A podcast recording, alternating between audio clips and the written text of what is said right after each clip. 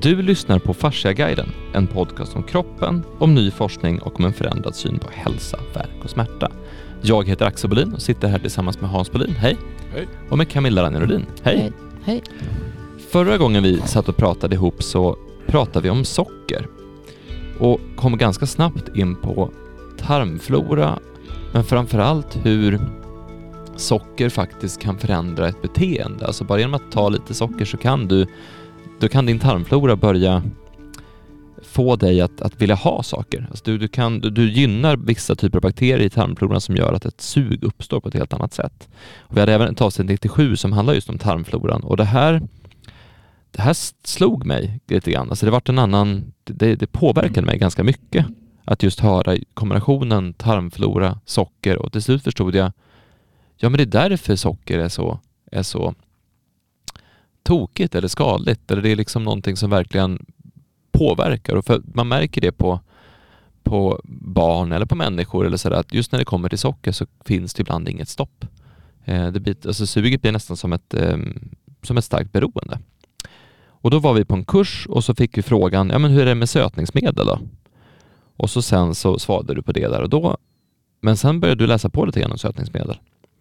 Så nu tänkte jag prata lite grann om, om sötningsmedel men sen ta vidare det här med tarmflora, beteende och, eh, och de typerna av förändring.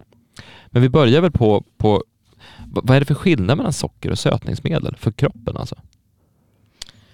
Eh, ja, sötningsmedel då, eller som man säger, ja, så icke näringsgivande söt, eh, söta ämnen så att säga. De, de ger helt enkelt ingen näring. Det är noll kalorier. Och det är därför de har blivit så, så attraktiva och så populära. så att säga. Därför att de anses då ha varit helt, att de inte påverkar vår fysiologi någonting. Därför att de ger ingen energi. Och de, alltså, då ska man kunna fortsätta att dricka läsk och äta godis och, och så med sötningsmedel utan att man så att säga, får viktuppgång. Så att det är, och sen då om man har diabetes så ska det inte påverka heller. Och där har de här kampanjerna, först light kom ju och sen Ja, kom zero, ja, så nu är det liksom den. Ja, precis. Och jag bara tänkte på det faktiskt häromdagen. Häromdagen var det kanske synd. Men när jag hade min, min dipp här i ehm, under vintern med min kost. Mm. Och helt plötsligt började jag äta lite fel. Så vart jag en dag så förbaskat godissugen. När jag var inne och skulle köpa grönsaker på en affär. Och då tänkte jag, och- jag är sån här lakritsfan sen långt tillbaka. Så tänkte jag, ja men jag ska banne mig köpa den där lakritspåsen som vi, vi alltid köpte förr. Mm. Och så gick jag till godisdisken och hittade den inte. Den fanns inte. Där, men däremot, liksom, det fanns bara godis utan Socker. sötningsmedel. Mm. Eller vad säger utan socker, Socker. med sötningsmedel. Och då vart jag liksom helt störd och tänkte, fasen det finns inte en... Ja, det fanns väl naturligtvis, men, men det här lakritset som jag hade köpt Mm. för, det, det fanns inte. Och det, men däremot så fanns det en massa lakrits utan socker Mm. med sötningsmedel. Och det där, jag blev så störd så jag, det var ju bra för jag sket i godiset och gick ut därifrån. Du vart arg. Ja, jag var arg. Det ska banne mig vara, ska det vara godis då ska det vara socker. Annars Mm. kan det vara. Men eh, det är ju min eh, personliga tro att det, att det är i sådana fall bättre att äta riktigt socker än att Mm. äta sötningsmedel. Men sen fin, det finns alltså en massa olika sötningsmedel. Jag tänker inte gå in på allihopa. Men vi pratade om aspartam det förra gången. Men det, det är fortfarande godkänt. Det som är lite lurigt är väl som man har försökt att undvika är sukralos. Tror jag. Att man, men det är inte förbjudet fortfarande. Tittar man på Livsmedelsverket så, så står det att i princip allihopa är ofarliga. Och att man har gjort tester att det, det, det är stora säkerhetsmarginaler. Och att toxikologiskt så, att säga, så ska de inte skada kroppen. Jag tror jag aspartam varit förbjudet i USA. Nej, men jag tror inte att det är ja, det. Sukralosen tror jag möjligen att den är det. Mm. Men s- strunt samma. Men Mm. eh, sen finns det ju, det som är populärt nu är ju de här eh, sockeralkoholerna som är liksom fram, syntetiskt gjorda ur eh, sock, ur glukos, så att säga, ur socker. Men, och de kanske, vissa av dem i alla fall, xylitol och sådär är, är, bättre, har mindre påverkan. Jag vet inte. Men verkar, verkar vad det verkar, mer ofarliga.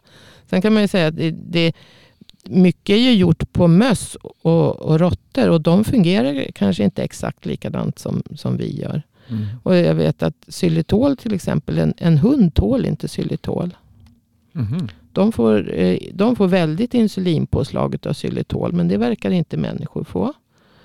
Men, eh, och en hund får leverskador också av stora mängder xylitol. Så det ska man absolut inte ge någonting med xylitol eh, till en hund.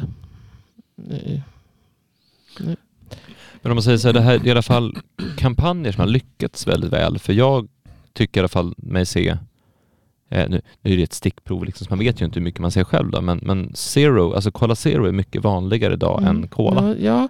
Och, och all läsk, det är, det är bara light och zero och, och liksom, ja, med sötningsmedel, inget socker. Och det står hela tiden utan socker, utan socker på alla produkter. Och från början så trodde jag liksom, ja jättebra, nu har de tagit bort sockret. Men sen visade det sig att ja, men det var ju sötningsmedel i det här. Mm. Så att det blir ju så mycket. För jag tror inte att det är... Menar, när jag gick över till ketokosten för ett antal år sedan. Då, då, då var ju recept och så, om man skulle göra någon god efterrätt, då var ju den liksom med sötningsmedel.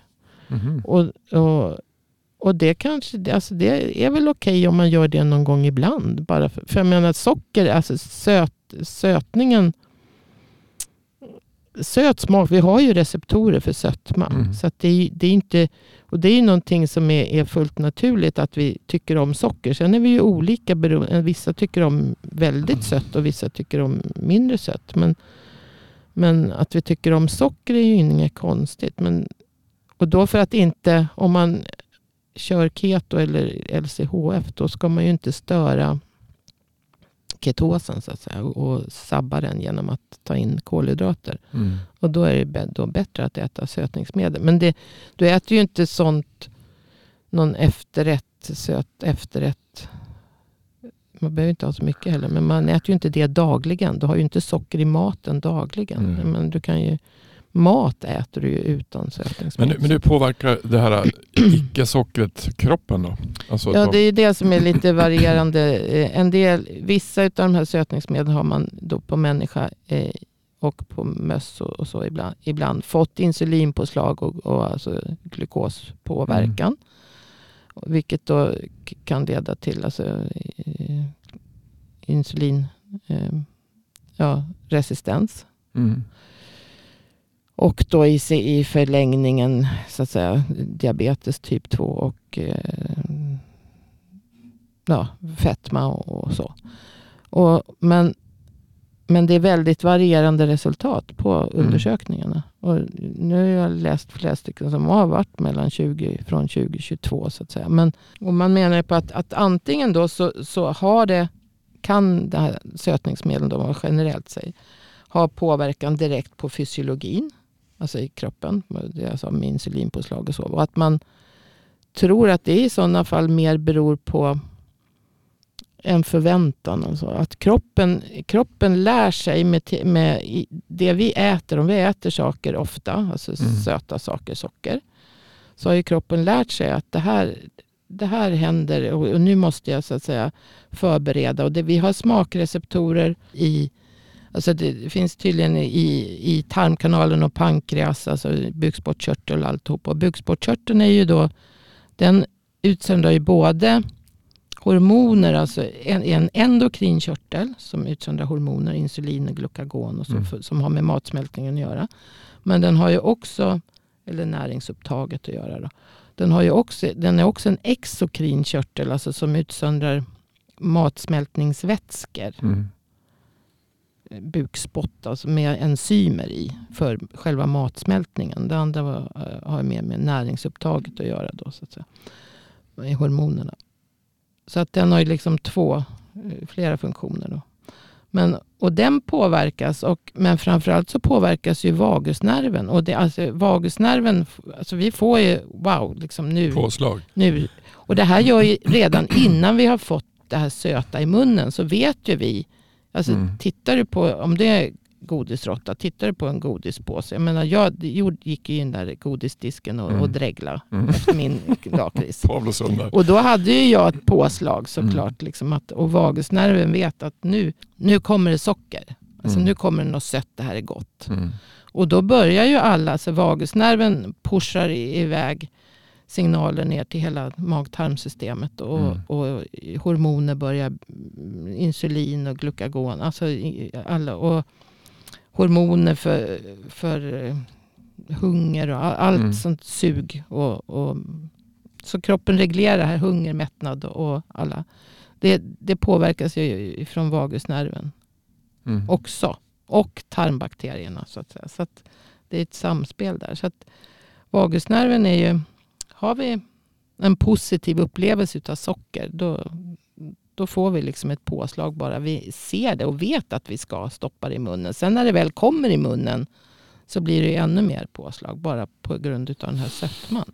De här energi, får- energidryckerna som har, är det också sådana här, är det också sånt i dem? För det är ju inte heller socker eller? N- Nej, vissa tror jag innehåller socker. Alltså energidryckerna är ju, det är ju koffeinet och Mm. sen är det en massa andra aminosyror och, och vitaminer. Det låter jättenyttigt. Men, Mm. men, eh, men eh, det är ju koffeinet framförallt då som kan vara skadligt. Men Mm. sen säger de ju att det är inte värre än att dricka kaffe. Men ofta de är ju söta. Mm. Det är ju ingen som är osötad. Så antingen är de sötade med sötningsmedel eller så är de sötade med socker. Mm. Och de dricker man ju för att man ska bli pigg. Så att har man, det, där kan det väl vara en vits att ha socker i. Då, då. Mm. Men så socker är väl inga problem för, för oss om vi så att säga, gör av med det och, och Mm. kroppsarbetar eller så. Och så att förbränner den här energin på en gång. Utan det är ju att det lagras in i överskottet sen och, och, och lagras om till fett. När, det, Mm. när vi inte gör av med det. Så att det är ju det att generellt då sitter för mycket stilla och inte rör oss men tycker om att äta sött. Så att vi sätter i oss mer. Men som sagt, tränar vi och, och så så är det ju inte skadligt att, att få i sig socker. Det är samma sak som med, med oavsett vilken typ av socker, glukos eller fruktos, så bränner vi upp det på en gång. så att säga. Det är ju när det blir för mycket som, det, Mm. som vi inte gör av med som det är skadligt. Men som sagt, vi lär oss ju det här söta. Och, och, men sen, så det, det är liksom den första, att det på, kan påverka fysiologin rent bara med hjälp av förväntningar och, och ja, och det, det är lite Pavlos hundar har ni hört Mm. talas om. Alltså eh, betingad reflex så att säga. Mm. Att, att eh, vi man börjar dregla bara det luktar, luktar mat eller någonting som man förknippar med Mm. god mat eller socker. Då. Så, så börjar man liksom salivutsöndringen och alla matsmältningsvätskor sätter igång. Och det ger ju ett sug. Mm. Det, så funkar ju alla djur också så att säga.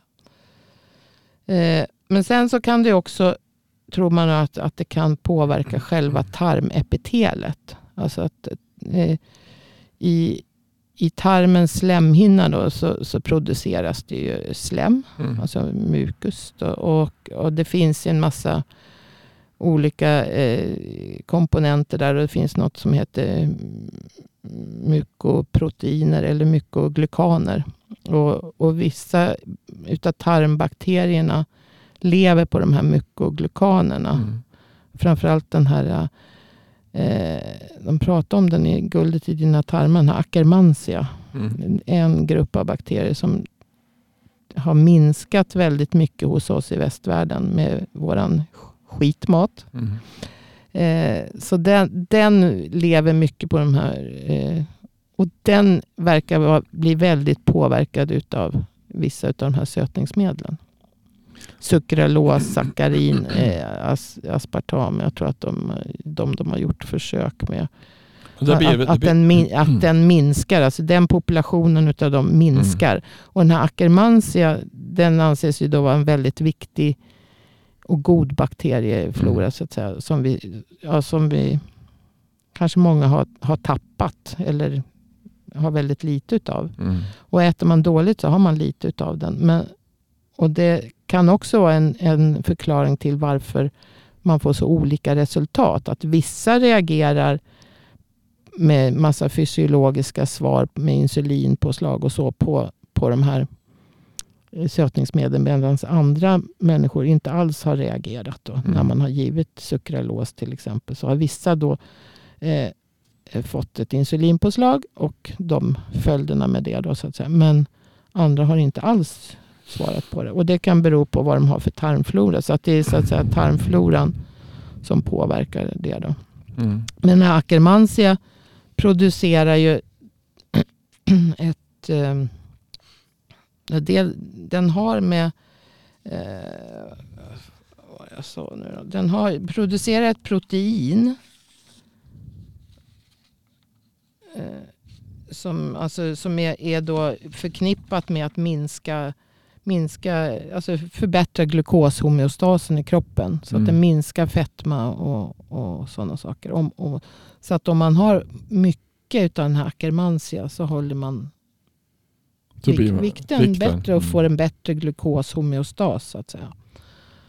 Eh, Men alltså blir inte det både, alltså det både med om man tar fasciaperspektiv i helhetsperspektiv så dels har vi olika kroppar. Alltså vi ser Mm. olika Jo. ut. Alltså, eh, det finns ju, jag tror att det har man både, nu har jag läst, det fanns någon Inom, inom ayurveda pratar man olika kroppstyper, alltså smal, eh, muskulös, lite mera voluminös, alltså mer fett. Och det har vi ju, vi är olika. Mm. Och det är, det är säkert olika tarmfloror som finns och säkert Mm. olika saker som, inom ayurveda säger man att kroppstyper är annorlunda, man ska äta olika mat. mm. Eh, Det- Så jag tror att om man ser det från det perspektivet så blir det ju kanske annorlunda mm. än att bara se det som ett eh, tomma kalorier.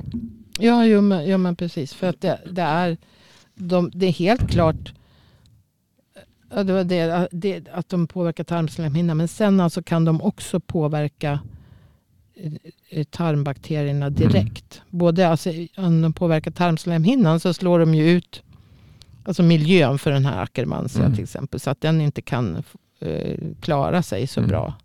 Och då minskar den populationen. Men de kan också slå ut, det har också visat effekter direkt på bakterierna. Mm. På vissa bakterier då, där den skadar eh, eh, bakteriens membran. Och liksom har nästan som en, en antibiotikaeffekt. Mm. Och då, slår, då, då liksom påverkar ju sötningsmedlet direkt på bakteriefloran så att säga. Mm. Medan det andra påverkar bakterieflorans miljö. Mm.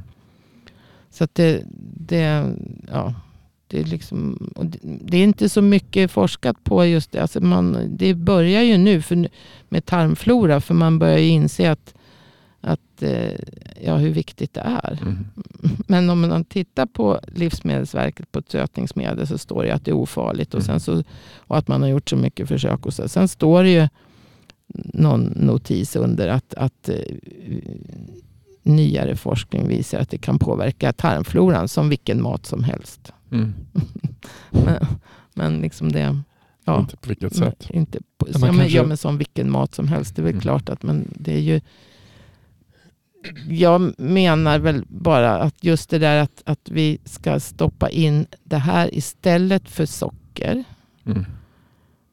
För att vi ska kunna fortsätta och med det beteendet som är helt skadligt. Alltså jag menar, att dricka en, en läsk, en sötad läsk med, Mm. med sötningsmedel. Det ger ju absolut ingenting. Mm. Mer, mer än en kick i hjärnan då. Mm. Och för att det ger ju en dopamin. Den, den har ju just den också. Alltså att ge det här belöningssystemet sätter ju igång. Nu, Så egentligen kan man, man kan ta fram en ny slogan som är Zero kalorier, 100% påslag. Eh, nej men, ja, men, jag, jo, men visst. nej men intressant, vi pratade i avsnittet om den levande kroppen och vi hade en hel eh, kurs heller, vi pratade om just den här levande kroppen, det, det Mm. nya sättet att förstå vetenskap på. Eh, då pratar man ju om att alltså, naturvetenskap är ju uppbyggd för att förstå den, den, det objektiva, det allmängiltiga eh, och för att inte ta hänsyn till kulturella aspekter, etiska Mm. aspekter eller, eller personliga aspekter på det sättet också. Man är intresserad av att förstå hur påverkar det här det här? Mm.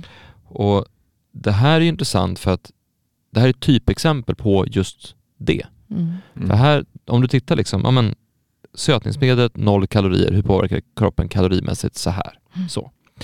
Men då tar man inte hänsyn till det här som man måste ta hänsyn till nu med fasciaforskningen. För då skriver vi så här att det som gör fasciaförståelsen speciell, och det här gäller ju även tarmfloraforskningen Mm. egentligen, för det- är också Mm, en, ja. en helhetsgrej, Mm.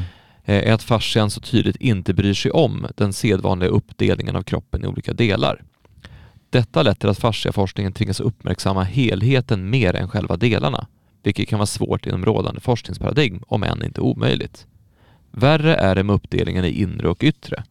Påverkan på fasciasystemet kan ske på så många olika sätt, varav vissa väsentliga typer av påverkan, till exempel trauman eller vanebeteenden, är uppenbart inre, samtidigt som de har yttre effekter.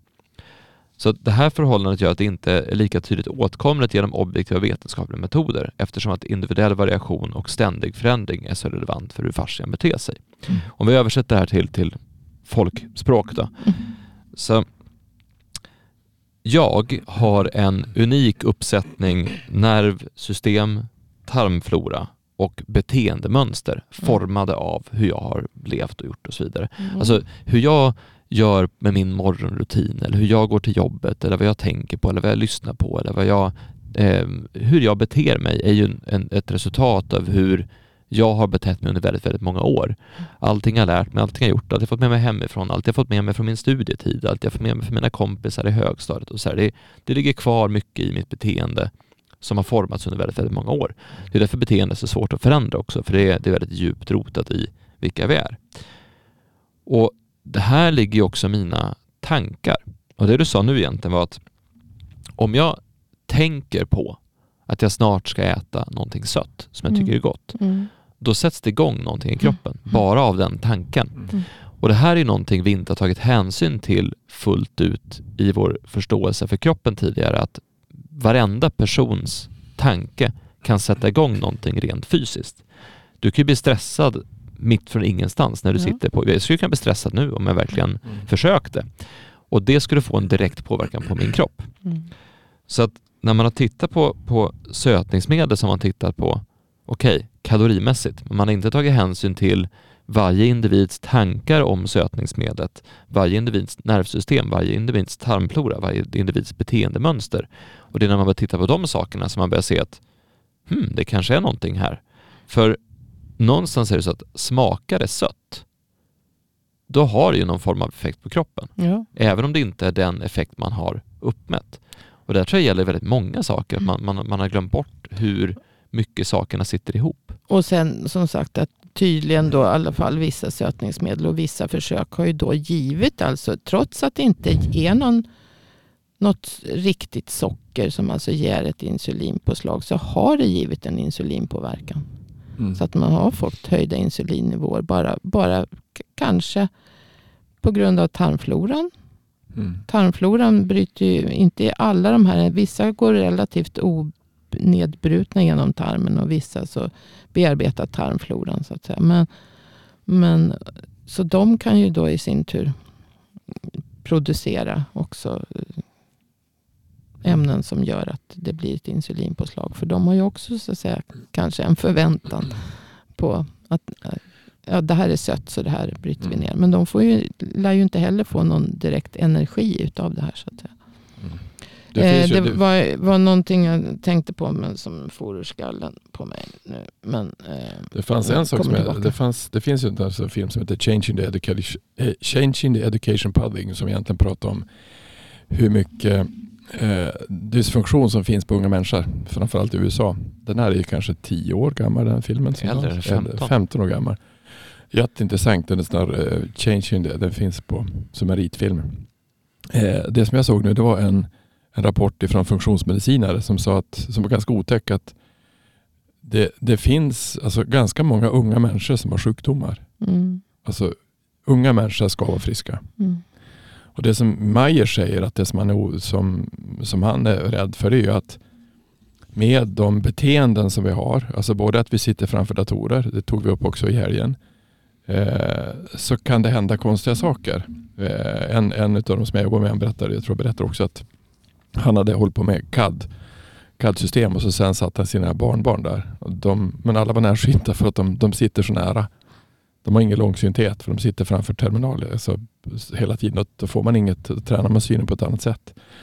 Och Det som är otäckt är att om det är mycket den typen av eh, den här typen av kost, eller vad man ska kalla det för någonting, som man äter mycket Tillsatser. eh, tillsatser Mm. och äter mycket men energidrycker är det man, alltså det, är, det är många, alltså det var någon som på, på ICA nu, de skulle ha in, kom in och ska ha energidryck, har du lägg? Säger man på i reklamen. Eh, och det kanske är bara en intressant sak att man gör, men det kanske också är så att det kanske är farligt att, att äta så mycket sötningsmedel som är. Ja, oavsett om de är, är, är gift, alltså toxikologiskt, om det är, så att säga, är skadligt för kroppen eller inte, så ger de ju... Problemet med dem är att de, är ju så, de flesta av dem är så extremt söta. Mm. Och sen försöker man att blanda, och så har de lite konstiga bismaker. Men så blandar man ihop dem för att det ska eh, ta ut varandra och, och Mm. bli en bättre smak som liknar rent socker. Och de blir ofta ex, alltså, extremt söta. För, så att det, och sen att man får i sig det precis överallt hela tiden. Mm. Så det triggar ännu mer sockersug. Mm. Det är väl det som är... eh, Ja, ja, så, det är jättebra att jag kan dricka läsk som, som inte ger en enda kalori. Men Mm. liksom, är det det? Alltså, vad, vad menar, var, varför ska du göra det? Mm. Alltså, som inte ger någonting. Mm. Men, Ja, men det är där som är det- grundfrågan, för det är också så här, vad, vad händer då istället? Alltså vad är det man inte äter eller får sug efter? För jag, jag har tre stycken eh, personliga exempel på, på hur det här har förändrats, eh, alltså smakmässigt. Den första är ganska enkel och det är, det är sallad. Alltså att äta Mm, grön ja, jo, sallad. det- mm. Och då, jag har alltid tyckt att sallad är helt okej. Mm. Så här, så. Men sen så när jag eh, blev tillsammans med min fru och vi började laga mat ihop och hon började liksom laga väldigt goda sallader. Mm. Då ökade suget efter sallad. Mm. Så jag märkte också när jag var på, på kurs nu i helgen så var det en alltså, sån fantastiskt god sallad Mm. på lunchen dag två. Mm. Och då jag var jättehungrig. Så jag tog den här salladen och sen så tog jag mer. Sen frågade alla så här, har ni tagit det ni ska ha nu? Mm. Alla Så bara, ja. alltihop. Så tog jag den. Mm. Och så gjorde min bror samma sak. Ja. Och sen samlade vi in då eh, åtta fat sallad från Mm. alla bord och åt upp alla rester. Mm. För det var verkligen en jättegod sallad. Mm. Och då, sen var jag väldigt nöjd. Sen åt jag knappt någon mat efteråt. Men, men salladen var Alla, alla verkligen... uppmärksammade det. De tyckte att, Ja. så tyckte att ni är lite konstigt som så Men mycket sallad. det här beror ju också på vad man har... Vad man är van att få. Ja, och det, det startar ju redan på barnstadiet. Mm. Fast egentligen då, för det, det jag skulle komma till också med, med sötningsmedel, så har man ju alltså gjort, kollat upp att mammor som äter sötningsmedel under Mm. graviditeten, det här går ju ut, vissa Ja, det- dem går igenom placentan och det framförallt går ut i, i mjölken. Mm. Så när man ammar sen så får ungen i sig det här. Mm. Och då också en påverkan på sin tarmflora. Så att man har alltså sett att eh, man gjort också det är ju svårt det här med eftersom tarmflororna är individuella. Men Mm. man har alltså sett att, att barn som är födda eh, från mammor som har ätit sötningsmedel Mm. får ett högre BMI. Och liknande tarmflora med det är framförallt nå- någon sån här Clostridium leptum eller vad den heter. Clostridium. Clostridiebakterierna i de flesta av dem är inte jättebra. Alltså de ska inte bli för många. Mhm. För de kan ha skadliga effekter i tarmen. Eh, stelkramp är en Clostridium och botulinum är en Clostridium. Mhm. Men det, de finns ju inte i tarmen så. Men ja, botulinum kan finnas. Eh, men men eh, det är i alla fall många skadliga bakterier i den, den släkten så att säga. Mm. Eh, och eh, de, då har ungen liknande tarmflora som mamman Mm. redan från födseln. Och, och, alltså, och, det är inte, och, och det har inte då de barnen som är födda utan mammor som inte har fått eh, sötningsmedel. Mm. De har inte den, alltså den, de tydliga tecken på den här klostridieökningen och, och sen var det någon annan också som ökade så att säga. Och att den här Akkermansia då minskar. Så att säga. Mm. Men Ehm, Men om jag får berätta klart min historia då. Ja. Ja, så det är nummer två. Vad var nummer två? Jag är fortfarande kvar på nummer ett. Är du kvar på nummer ett fortfarande? Okej. Eh, för det, det, som, det som det här visar någonstans är att du kan alltså bygga upp cravings, alltså verkligen ett sug efter sallad ja. på samma sätt som det kan bygga upp ett sug efter, Socker. efter socker. Mm.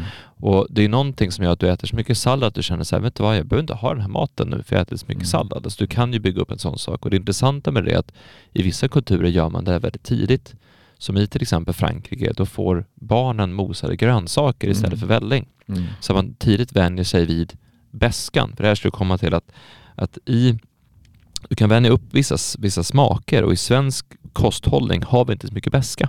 Mm. Så att när man äter viss mat från Mellanöstern, som jag äter väldigt mycket nu, Mm. eftersom att min fru har rötter därifrån, då har man helt my- mycket mer bäska i maten. Så att i början var det också så här bara, Blä. alltså Mm. det blir som den så. Mm. Men när man vänjer sig vid det så blir det, oj vad gott det här är. Mm. Det finns en annan typ av syra, det finns en syrlighet på ett annat sätt också. Så att, så att du kan ju också vänja upp eh, smakpaletten till olika Mm. smaker. Mm. Och då kommer vi till liksom den stora eh, upptäckten här som jag tänkte dubbelkolla med dig för vi, vi diskuterar här på kurshelgen nu.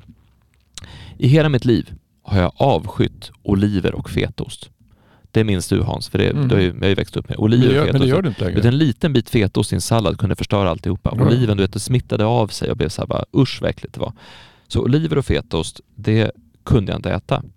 Nu älskar jag oliver och fetaost. Mm. Så att jag kan sitta, alltså jag tar hellre en, en skål med oliver än eh, chips när jag sitter och tittar på TV en fredag Mm.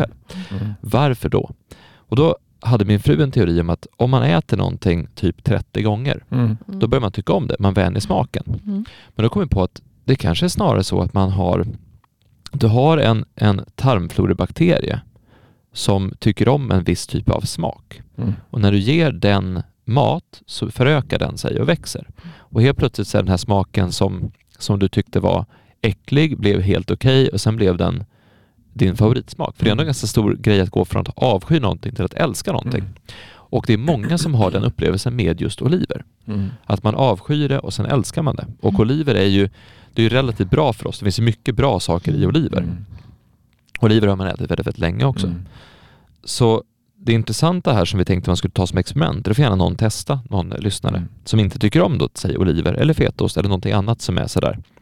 Testa att köra en, en, en hetsdiet på typ 30 dagar. Att du bara äter det varje dag trots att du tycker det är Inte äckligt. hetsdiet, Nej, men- men, alltså äta det. Du äter det, var- en snabb diet här, Ja. som experiment. Man, äter det, man tycker inte om oliver, Mm. så då äter man oliver varje dag i 30 Mm. dagar och så ser man vad som händer. För enligt den teorin så borde det föröka tarmbakterierna som gör att du då får ett sug efter det. Mm. För du har de här husdjuren i magen som gillar oliver och de Mm. ska bli fler. Och det intressanta där, är att det där du kan ju välja att gå sockersugsvägen men du kan ju också skaffa ett sug efter oliver eller fetaost eller sallad. Om man tittar på kost och näring som nu håller på med socker, men socker, alltså koncentrerat socker är väldigt ovanligt. Det finns ju inte i naturen. Det finns ingenting i naturen tror jag som är farligt som är sött. Alltså normalt sött. Det, det behöver vi, för vi behöver energi. Eh, men det som jag tror är intressant att titta på det är, och det är ingen, det är ingen sån här äh, konstig teori, utan det är bara att det finns ganska mycket pengar i den här industrin som man har. Alltså vad man, vad man, pro, pro, vad man, vad man pro, eh, propagerar för och inte. Och Det var en, det här tror jag vi tog upp någon gång, men alltså just för nu tog du upp eh, eh, chips. Jag tror att en av de mest besökta presskonferenserna i Sverige någonsin, förutom Nobelpriset, var när man hade från svenska forskare fått fram att eh, chips, alltså det, det som, alltså, Ja, det var cancerframkallande. Det, det, var, det var det var 500 stycken som var där. Och det var, det var, och det var faktiskt... fa- Det var, Vad händer med fredagsmyset? Exakt! Och det var, det, var jätte, alltså det var jättestort det där. Och det finns en P1-dokumentär om det.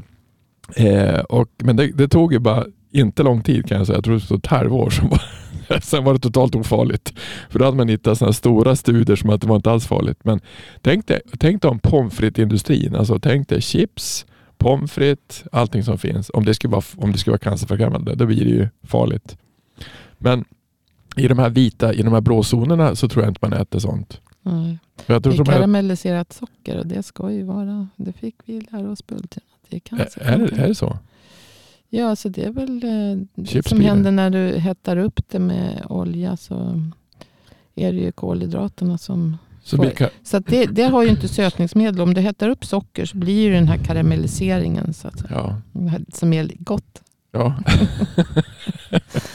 Och, och, men det får du ju inte av sötningsmedel. Den har inte Nej. den effekten. Så att, den, den Men så jag, så jag tror man ska vara, alltså, jag har ju som, jag tyckte också det här med, jag hade, jag tycker det med, med, med det som inte är sött då, utan o, o, o, eller, onaturligt sötmedel. Men jag har fått för mig att det är, jag tror att det där nästan är farligare än socker. För att det är så en enorm sötning i det. Ja, alltså det, det triggar ju igång eh, just det här att ännu mera socker. Så Ja. det kommer ju få dig att, att äta. Men alltså det är det som jag menar med, med, med det här, så du kände till det där med, med, med, med, eh, med, med, chips. Det, det där har ju inte, det har inte varit någon snack om det Nej, det överhuvudtaget. vart helt tyst. Tyst, alltså, Ja, men det var så jädra mycket folk som var där. Så det, var, Mm. det var som Nobelpriset. Det var hur fullt som helst. Mm. Och det var ju vetenskapsmän, det var ju ingen fjantforskning som gjort på det utan det var ju att man tittade på att det var faktiskt fra- cancerframkallande. Så att det är frågan hur mycket, hur mycket pengar det finns att få folk friska och hur mycket pengar det finns att folk, få folk sjuka. Det, så kan man inte säga egentligen. Men det som, var, det som jag såg nu som forskning det var att det är många unga människor, jag tror det var 20-30 procent som är, alltså, som är sjuka.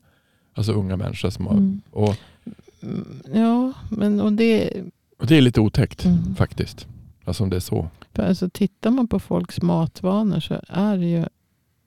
Jag menar, va- varför har vi i västvärlden så, så, så dålig tarmflora jämfört Ja. med, med eh, ursprungsbefolkningar, eller naturfolk i, på olika eh, ställen så att säga. Som, som äter mer opåverkad mat. Mm.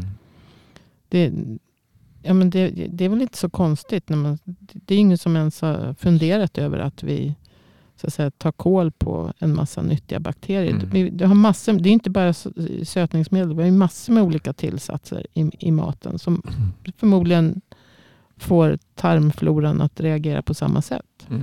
Det är väldigt läskigt faktiskt. Vi körde ju en sån här, vi, vi testade att köra strikt eh, AIP-kost, alltså autoimmuna protokollet och då, Mm. då äter man ju typ ingenting. Det, det är en lista liksom på det här får du äta och, det här, och så är det tre listor på det här ska du inte äta.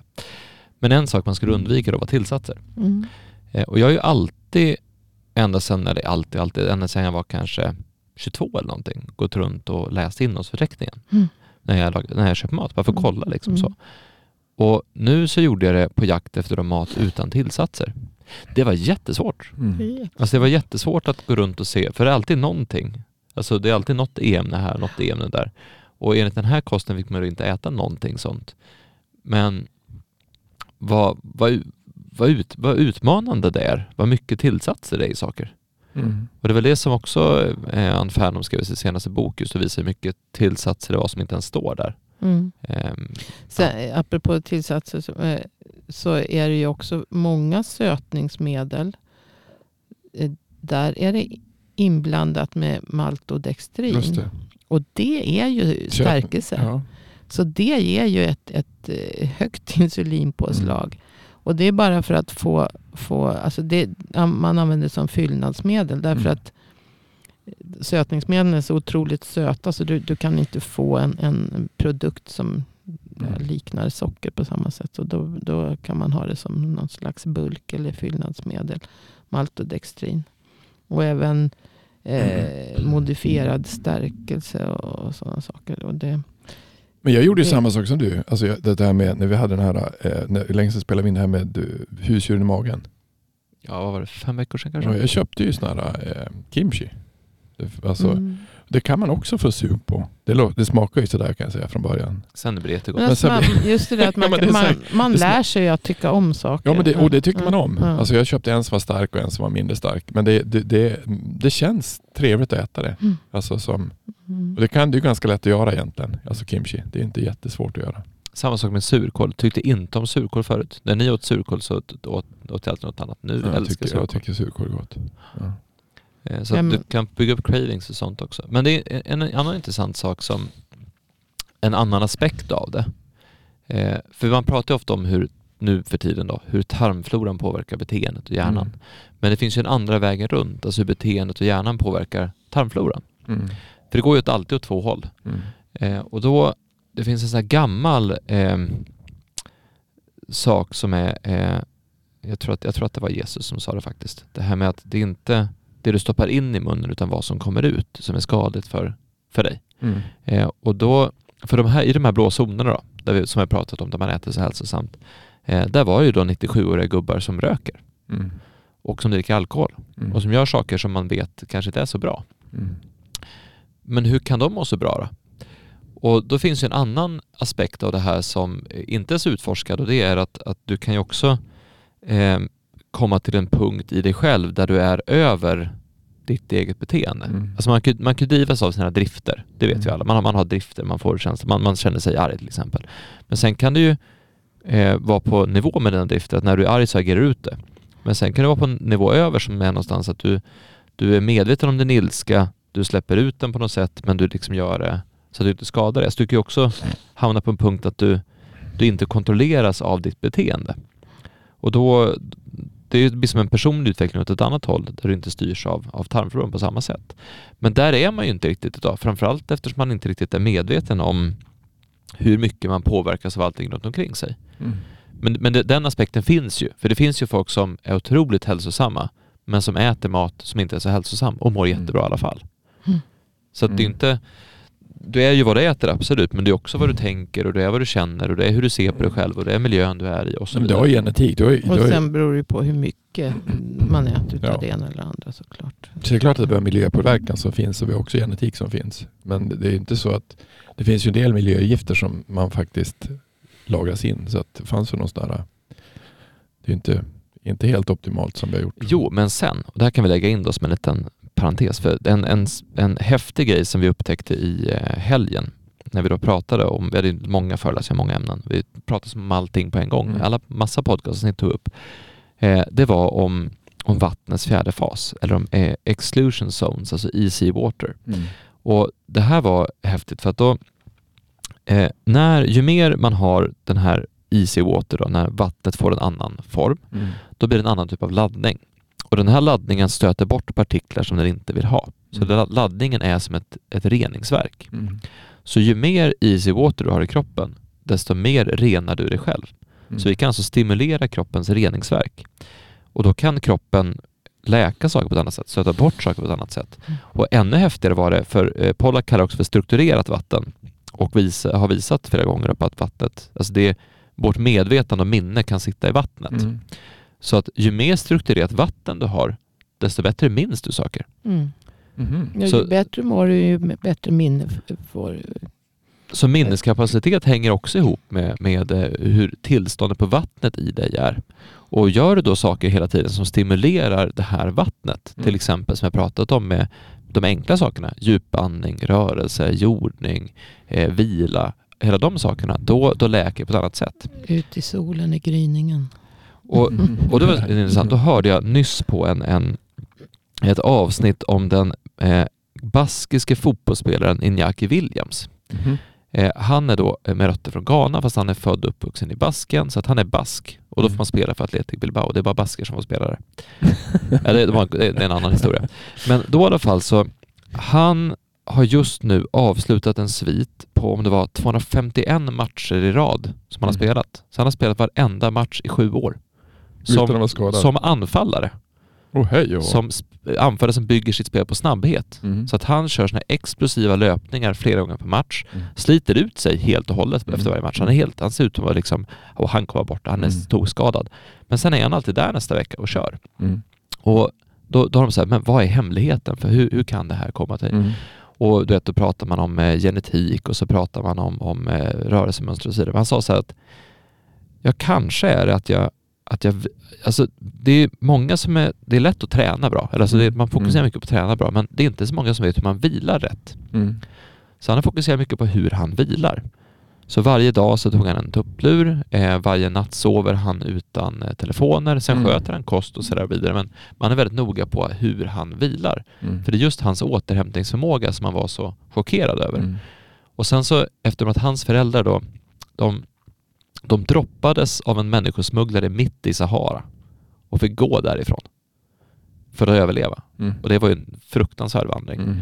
Och han växte upp i extrem fattigdom i Spanien och liksom sådär. Så att han, att han blev fotbollsproff, han var, det, det var min dröm. Nu kan jag försörja min familj och livet är fint så att han älskar sitt liv också. Mm.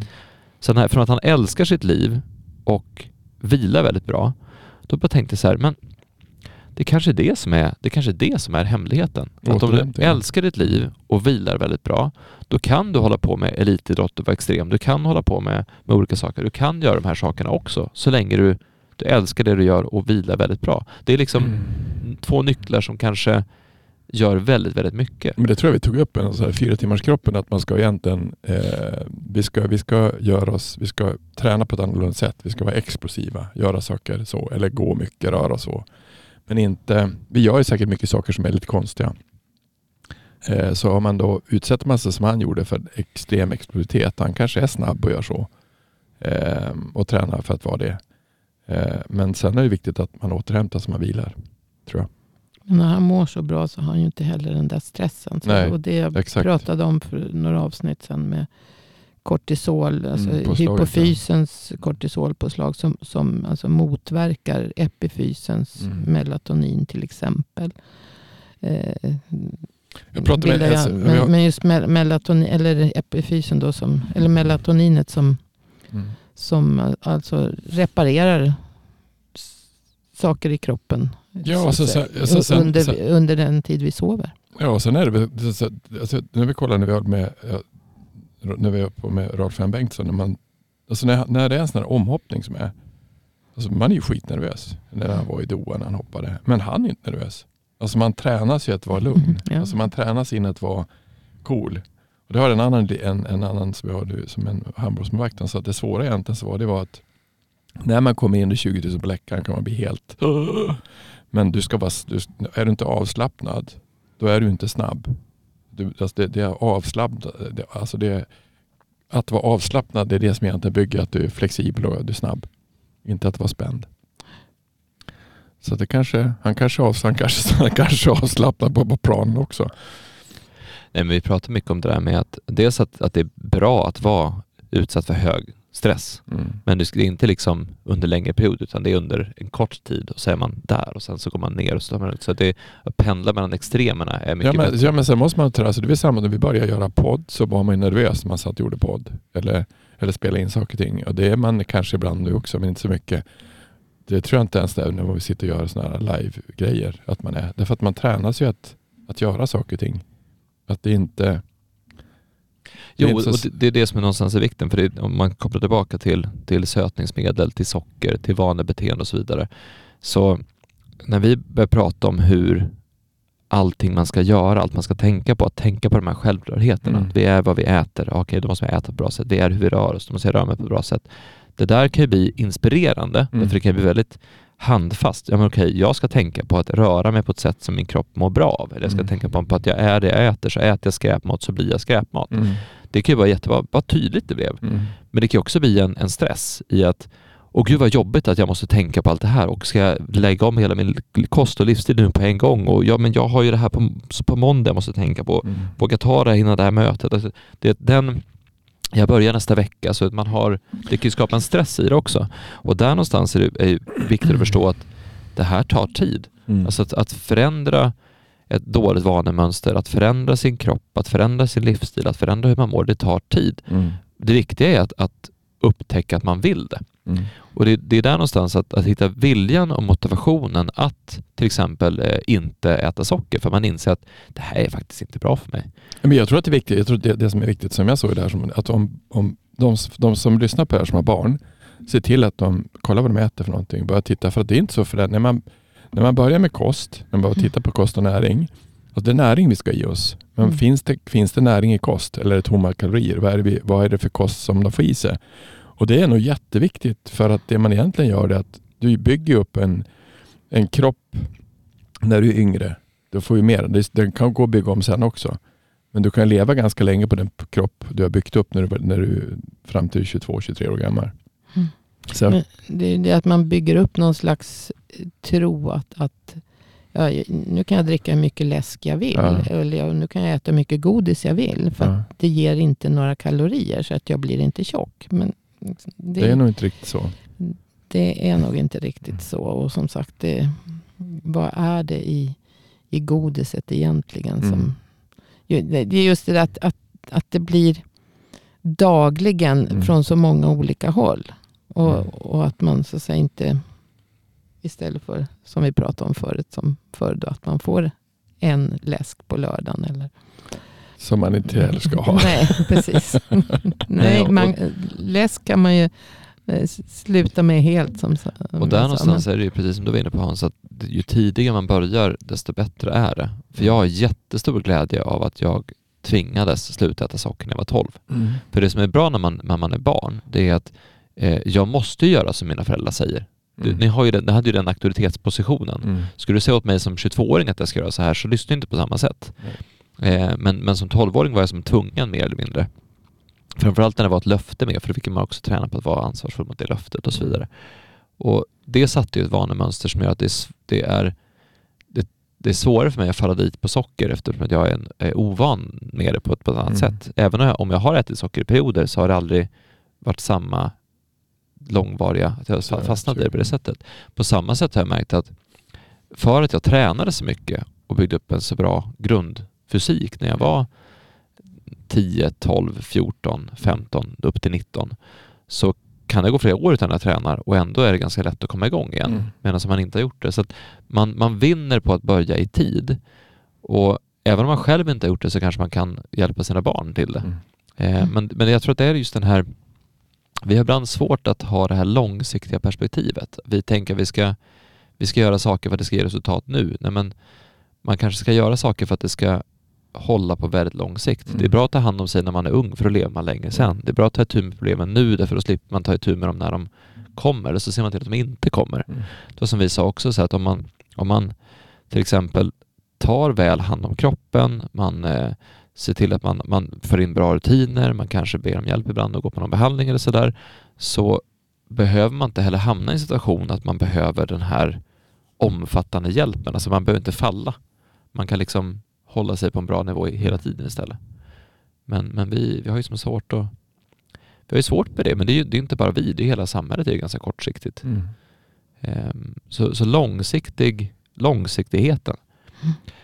Uh, men sen vet jag inte, jag tror det, det är det är nog ganska svårt att sluta med socker eller sötningsmedel eller både och om man inte bestämmer sig för att faktiskt göra det. Och så om man inte förstår hur farligt det är. Jag tror att det, så skulle, man, skulle man socker komma fram idag så skulle det absolut inte bli tillåtet. Så farligt är det. Och Det är det som är, men det finns en jätteindustri. Och Det måste man förstå. Precis samma sak som tobaksindustrin. På 60 70-talet så var ju tobak helt okej. Okay. det är inte så farligt att röka, men alla visste om att det var farligt att röka. Så att man måste veta också att det finns en tröghet i systemet, men vi kan ju förstå. Vi kan ju säga att det här kanske inte är helt optimalt för mig att äta socker eller sötningsmedel för att det påverkar, som vi har sagt, ganska mycket i kroppen. Det är det att det ska vara så himla sött allting. Det, det, det ja, det blir, alltså, allting blir sötare. Ja. Alltså, all mat blir sötare. Det har ju Fernand tagit upp. Alltså, det, är inte, det är inte bara mat. Vi måste titta vilken typ av mat vi äter. Det tog, ja. upp, det tog upp det här som du var i USA och åt på en, kill, en restaurang som hade odlat allting själv. Och det, det kan ni känna när utomlands ibland. Att, jag menar, det smakar lite annorlunda om det är färskt, om det, om det är till, om det är bra råvaror som finns. Och, och det kan man ju försöka att få tag i. Istället för att äta skräpmat. Mm. För det all, all färdig processad mat är ju socker i. Ja. Men köper du färdiga köttbullar eller falukorv eller någonting så är det ju socker i det.